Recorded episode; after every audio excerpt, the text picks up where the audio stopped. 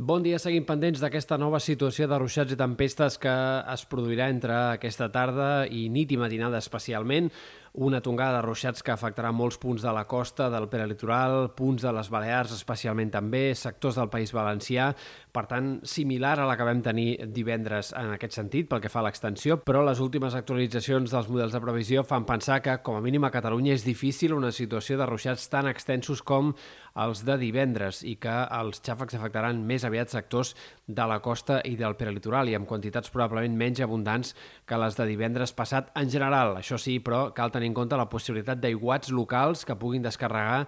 eh, pluges importants en poca estona, sobretot en sectors de les Terres de l'Ebre, Camp de Tarragona, que és on torna a ser més probable que pugui haver-hi alguns aiguats destacables entre aquesta tarda, vespre i primeres hores de la nit. Després, a mesura que avanci la nit, els ruixats eh, se situaran cada cop més al nord, afectaran altres punts de la costa on pot haver-hi també alguns aiguats, per tant no descartem que localment en punts de la costa central o fins i tot de la costa brava pugui haver-hi precipitacions abundants al llarg d'aquesta nit i matinada. I també al País Valencià i sobretot a les Balears sembla probable que durant la nit matinada d'aquest dimecres alguns ruixats puguin arribar a ser importants i deixar quantitats de pluja de 30-40 litres per metre quadrat en poca estona.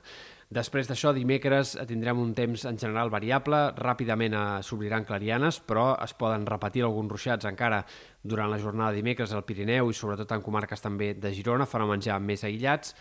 i quedarem pendents en tot cas d'una altra tongada de xàfecs que arribaria de cara a divendres però que es va desinflant a mesura que avancen les actualitzacions dels models de previsió. Sembla que seran cada cop ruixats més aïllats que afectaran punts del Pirineu Oriental, altres sectors de la Serrada, potser puntualment alguna comarca de Girona i de Barcelona, però difícilment serà una situació de ruixats que aporti gaire precipitació i per tant que provoqui cap tipus de canvi en la greu situació de les reserves d'aigua dels embassaments de les conques internes. Després, al cap de setmana, apunta de ser més tranquil, amb més predomini del sol que no pas dels núvols,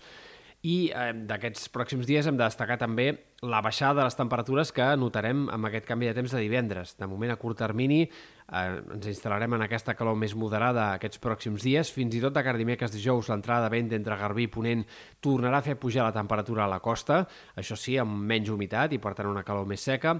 I divendres, dissabte, notarem una baixada clara del termòmetre, eh, que farà que les nits eh, siguin similars a les que vam tenir a finals des, del mes d'agost, amb aquell canvi de temps que ens va portar un ambient de final d'estiu avançat. Ara tornarem un parell de dies amb aquesta sensació de final d'estiu, coincidint precisament amb l'inici de la tardor dissabte quan faltin 10 minuts per les 9 del matí, però això serà un miratge. Un altre cop tornarà a pujar el termòmetre ràpidament diumenge i en la primera part de la setmana que ve i, per tant, anem encarats a un final de setembre en general amb calor d'estiu encara i amb temperatures eh, notablement per sobre del que caldria esperar per l'època.